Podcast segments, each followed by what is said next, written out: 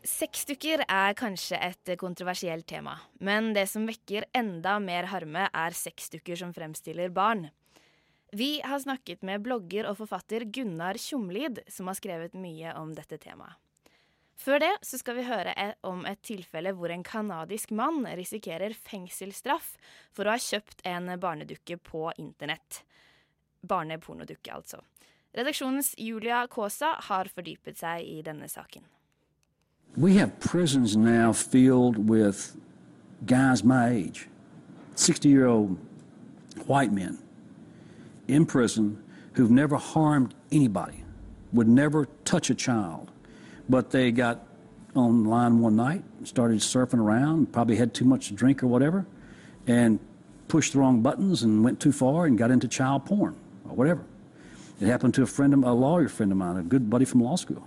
And yeah, they haven't hurt anybody, okay? Uh, they deserve some type of, you know, punishment, whatever. But 10 years in prison? I 2013 åpnet den kanadiske grensekontrollen en mystisk pakke fra Japan. Inne i pakken fant de en sexdukke. Det som overrasket grensepolitiet, var at dette ikke var noen vanlig sexdukke. Den lignet på et lite barn. Pakken var adressert til Kenneth Harrison, en 51 år gammel elektriker fra Newfoundland. Han ble arrestert og tiltalt for oppbevaring av barnepornografi. Saken blir nå prøvd i canadiske domstoler.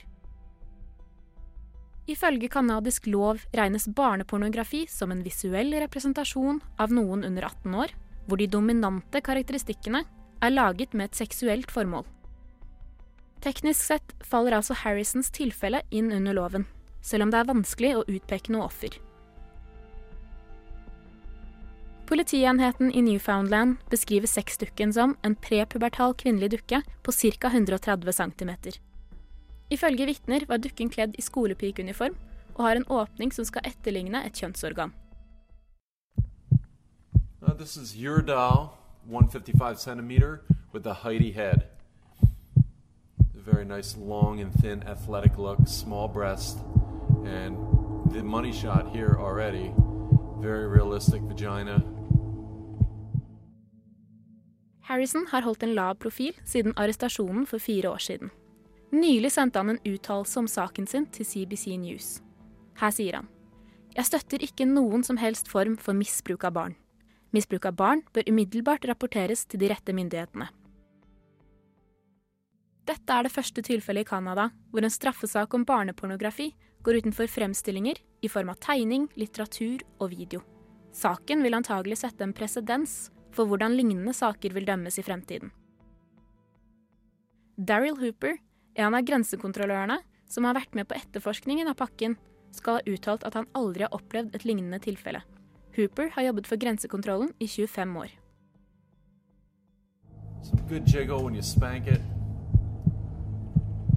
Of course, everybody wants to spank it. Kanadiske psykologer er uenige om barnelignende sexdukker faktisk er barnepornografi.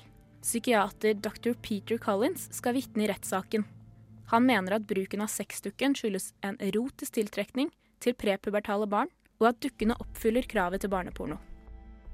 Dr. James Cantor, som har forsket på pedofili i mange år, mener at interessen for barnesexdukker ikke gjør noen til pedofil. I tillegg sier han at loven om barneporno ikke kommer til anvendelse. Dette er ikke noen ekte person, sier han til radiokanalen RCN. Det er bare et stykke lateks. Så hvis det ikke er noe offer her, hvem er det som tar skade? Harrisons rettssak vil bli avsluttet i løpet av mars. Dersom han blir funnet skyldig, risikerer han opptil syv år med fengsel. This 155 centimeter doll is just absolutely delightful to the touch and to the eye.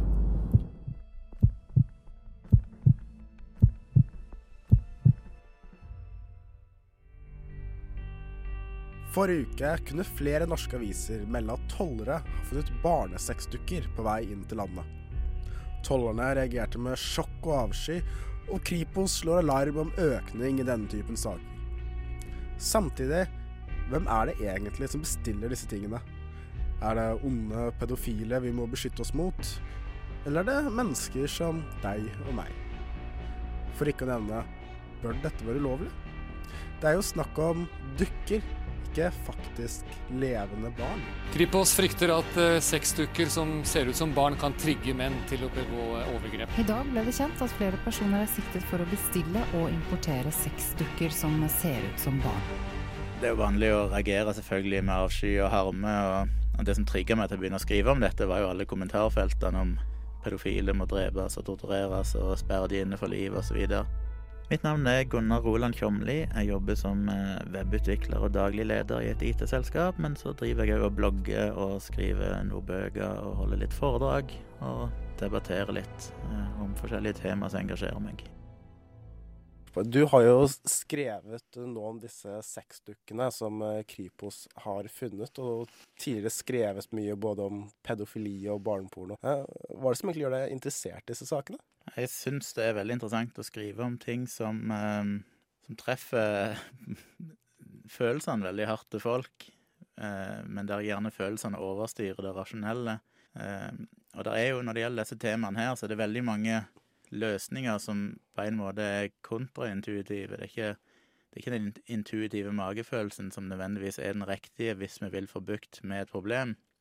For eksempel så er det jo eh, Det er jo vanlig å reagere selvfølgelig med avsky og harme, og det som trigga meg til å begynne å skrive om dette, var jo alle kommentarfeltene om pedofile må drepes og tortureres og sperre de inne for livet osv.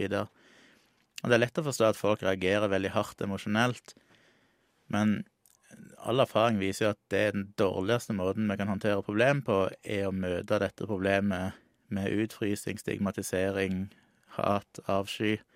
For du kan avsky handlingene, men en må kunne vise empati og forståelse for personene, altså menneskene. Og jeg har jo snakka med, med opptil flere som har jobba med å behandle pedofile, eksempel, og de sier jo at det aller viktigste en kan gjøre, er jo å vise at de eh, Eller inkludere de i samfunnet, vise at vi forstår at dette er forferdelig vanskelig, og det er ikke akseptabelt å utføre eller handle etter lystene, men lystene i seg sjøl er jo ikke ulovlige. Eh, pedofil parafili er jo ikke ulovlig å ha, og det er jo ikke valgfritt. Eh, så disse menneskene trenger ofte bare å føle seg akseptert, og hvis du føler at du blir akseptert, og føler at du blir forstått, og ikke støtt ut og fryst ut, så er det mindre sjanse for at du faktisk ender opp med å handle og utføre et overgrep.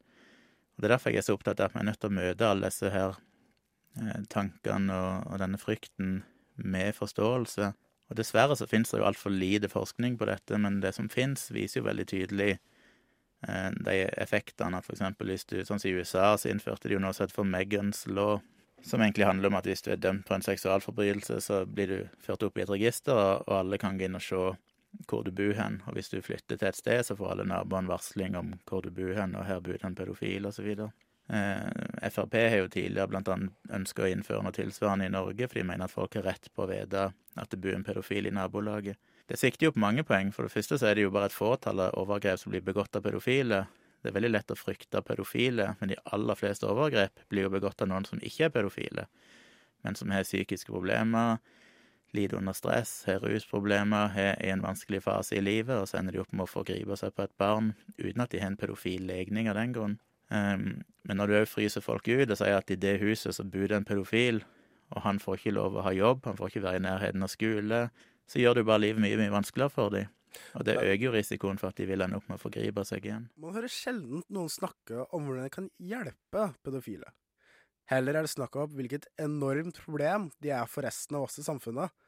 Men hva skal en gjøre for at de skal kunne leve med diagnosen sin? Og samtidig, hva kan vi gjøre for å beskytte barna våre? Jo, jeg tror ikke jeg vil at en pedofil, en som er diagnostisert si, som pedofil, jobber i en barnehage eller nødvendigvis jobber med barn, men de må få lov å bli en del av samfunnet. De kunne få seg en jobb, en kontorjobb, en butikkjobb, et eller annet sted der du, ikke, der du er på en måte ikke ut, er en risiko, sånn sett. I tillegg så er jo tilbakelsesfallsgraden veldig, veldig låg hos pedofile. Altså er du først dømt for å utgjøre Eller ikke pedofil nødvendigvis, men folk som har forgrepet seg på barn. Er du dømt for å ha forgrepet deg på et barn, så er det siste tallet jeg så var 15% eller sånn de regner med, som gjentar eh, dette etterpå. Og det er jo lavere enn for f.eks. voldtektsforbrytere og de fleste annen type kriminalitet. Så hvis en virkelig var redd for det, så bør den jo stigmatisere enhver person som har vært kriminell, en voldtektsforbryter. Hvem som helst burde jo hatt det samme. Men av en eller annen grunn så plasserer vi jo pedofil i en veldig spesiell kategori, Og det er jo lett å forstå, for det er barn, og vi har et veldig eh, behov for å forsvare barn.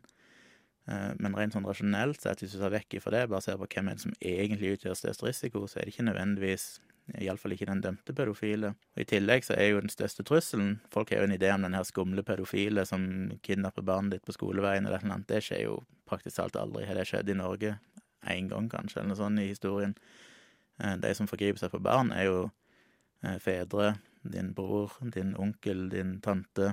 Altså det er folk i familien eller naboer. Det er sånn folk som står veldig nær, som du aldri ville tenkt kunne gjøre noe sånt. Det er jo de som er den reelle faren. Ikke en eller annen fremmed, tilfeldig pedofil som du aldri har møtt før, eller bare lest om i nyhetene. Som er en sånn veldig forstyrra eh, risikoaspekt rundt dette her, som, som egentlig gjør oss mer utsatt. Men for å ta tilbake til disse sexdukkene. Du hører jo når eh, Kripos snakker om det, at de mener at den typen ting, og blant annet f.eks. ting som animert barneporno, kan normalisere handlingene, sånn at det blir et mindre ja, eh, mindre farlig for den pedofile, da, i hermetegn, å skulle faktisk gjøre et overgrep. Uh, hva tenker du om det? Det med status i dag er at vi egentlig ikke vet. Uh, det er altfor lite forskning på det, og det er et problem at det blir ikke Altså, det, det er jo gjort Tidligere ble det gjort forskning der du utsatte folk for bilder av barneporno og sånn, og så hadde du en sånn måleapparat på penis som registrerte om de reagerte på det, og så og så kunne du se om behandlingen ikke sånn. Det er ikke lov lenger, for det er ikke lov å eksponere noen for barneporno. så Derfor har de prøvd istedenfor å bruke lyder, noen som snakker om barneporno, eller snakker om eh, seksuelle situasjoner med barn. Men det, i Norge så krysser det òg grensa, du har ikke lov til det heller. Så det er veldig vanskelig å forske på dette når det er fullstendig ulovlig i, all, i alle former. Um, så derfor vet vi egentlig ikke nok, og vi vet sexdukkene er jo såpass nye at de vet vi jo ingenting om, egentlig. Men det vi vet derimot, og vi kan se på historiske data, det er jo ganske interessant. For det er jo land som fram til på 80- og til og med tidlig på 90-tallet så var det lovlig med barneporno. For eksempel i Danmark så ble det jo først ulovlig på tidlig 80-tallet eller noe sånt. Beklager hvis jeg sier feil årstall her nå, men det eh, skal ikke så veldig langt bak i tid iallfall før dette var lovlig. Eh, I Japan var det lovlig til relativt nylig. I Tsjekkia er det vel et par østeuropeiske land så har det vært lovlig ganske lenge. Og da kan du jo se på statistikken for overgrep mot barn hva som skjedde når de forbøy barneporno. Og det en fascinerende nok ser, er at når du forbyr barneporno, så øker antall overgrep mot barn. Eh, og da er de korrigert for den eh, andre endringer i livskvalitet og liksom eh, økonomien til landet og kriminalitet og sånn, så ser de ganske klar kobling med at antall overgrep mot barn øker. Det er jo ikke noe argument for å tillate barneporno i seg sjøl, for det barneporno betyr at du nødvendigvis har forgrepet deg på et barn for å produsere materiale. Men det kan være et argument for animert barneporno der det ikke er noe offer i seg sjøl, eller sexdukke. Altså, det er indisier på at det at du kan få utløp for lystene dine via uten å forgripe deg, faktisk kan hindre deg for å forgripe deg på barn. Og en har jo sett det samme i mye større skala hvis du ser på pornografi generelt fra stat til stat i USA, eksempel, der pornografi gikk fra å være ulovlig til å bli lovlig. Altså den motsatte effekten av barneporno, der det gikk fra å være lovlig til å bli ulovlig. Eh, og i flere andre land så har en jo sett at voldtekter, eksempel overgrep, synker når pornografi blir lovlig, som igjen tyder på at folk har godt av å få utløp for lystene sine på privaten, og da, de noe, da går de ikke ut og, og forgriper seg på andre. Dette er ikke veldig sikre data. Når det gjelder pornografi, så er det relativt sikkert. Når det gjelder barneporno, så er det Eh, litt færre land og litt mindre data, så en skal være litt forsiktig med å støtte seg for mye til det. Men en har iallfall noen indisier på at det kan virke forebyggende, og det er ingen indisier som sier at det faktisk utløser overgrep.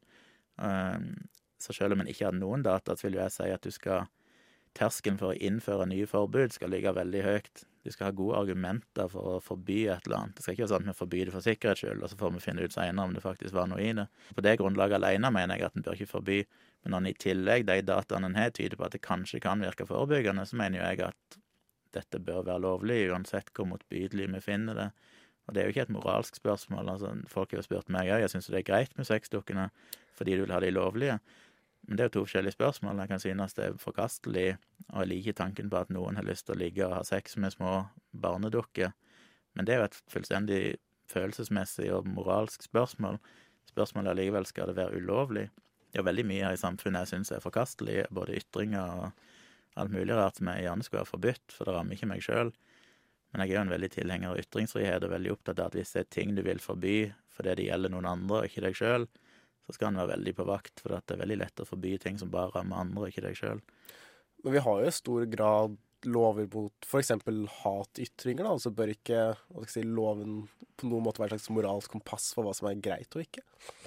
Nå er jeg personlig motstander av eh, rasismelov og sånn. Jeg er jo relativt profilert antirasist, så det er jo, men jeg syns at ytringer i seg sjøl må være lov, for vi må heller tale imot det med motytringer.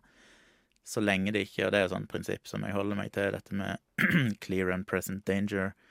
Altså hvis ikke det utgjør en umiddelbar og konkret fare mot et individ eller en spesifikk gruppe, så mener jeg det skal være lov å si hva som helst Eh, og jeg har jo sjøl blitt møtt med fryktelig mye hets og trakassering og beskyldninger og sånn, men jeg har jo aldri reagert sjøl mot det juridisk, for at uansett hvor ubehagelig det er, så mener jeg at uh, dessverre må være lov.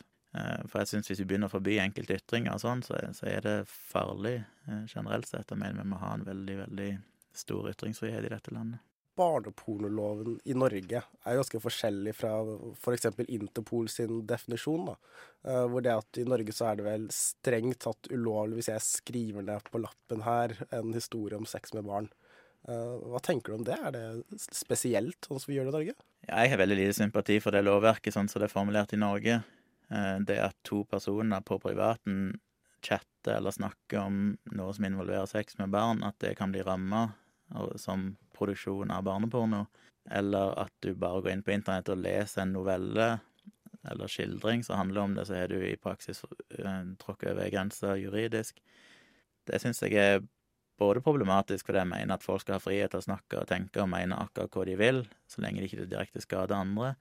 Og i tillegg så mener jeg at det hemmer jo muligheten folk som har disse lystene, har til å faktisk både få utløp for dem på en ufarlig måte, og ikke minst kunne lufte tankene sine, for dette er jo folk som ofte skammer seg veldig over det de føler, og de har et behov for å snakke med noen som ikke umiddelbart vil fordømme dem eller ta avstand fra det, men som kanskje kan forstå og være en samtalepartner, og det kan være et steg på veien til at de søker hjelp, for at de kan få på en måte Du trenger ofte å snakke om ting for å formulere hva du egentlig mener og tenker om ting. Hvis du bare har det lukka i ditt eget hode, så kommer du liksom ingen vei.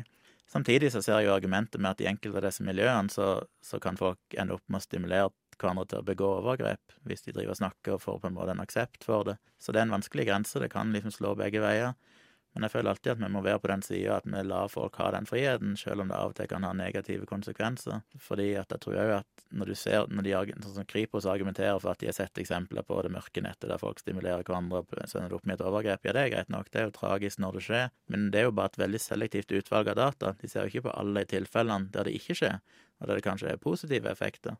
Og det er et problem i mye av dette. De, de sier jo det samme, at ja, barneporno fører til overgrep, fordi at veldig mange av de som blir dømt for overgrep, finner vi barneporno hos. Ja, men det er jo på en måte en selvoppfyllende profeti. Da har du bare sett på datamaterialet for de de faktisk har tatt for å ha lasta ned barneporno. Mens alle de som eh, har barneporno og aldri gjort noen ting, eller som ikke har barneporno og ikke har gjort noen ting, eller alt, alle de andre liksom som ikke har havna i politiet sitt søkelys, vet jo egentlig ingenting om. Og det kan være et ganske stort mørketall som viser at det kan ha en preventiv effekt, og ikke nødvendigvis en utløsende effekt.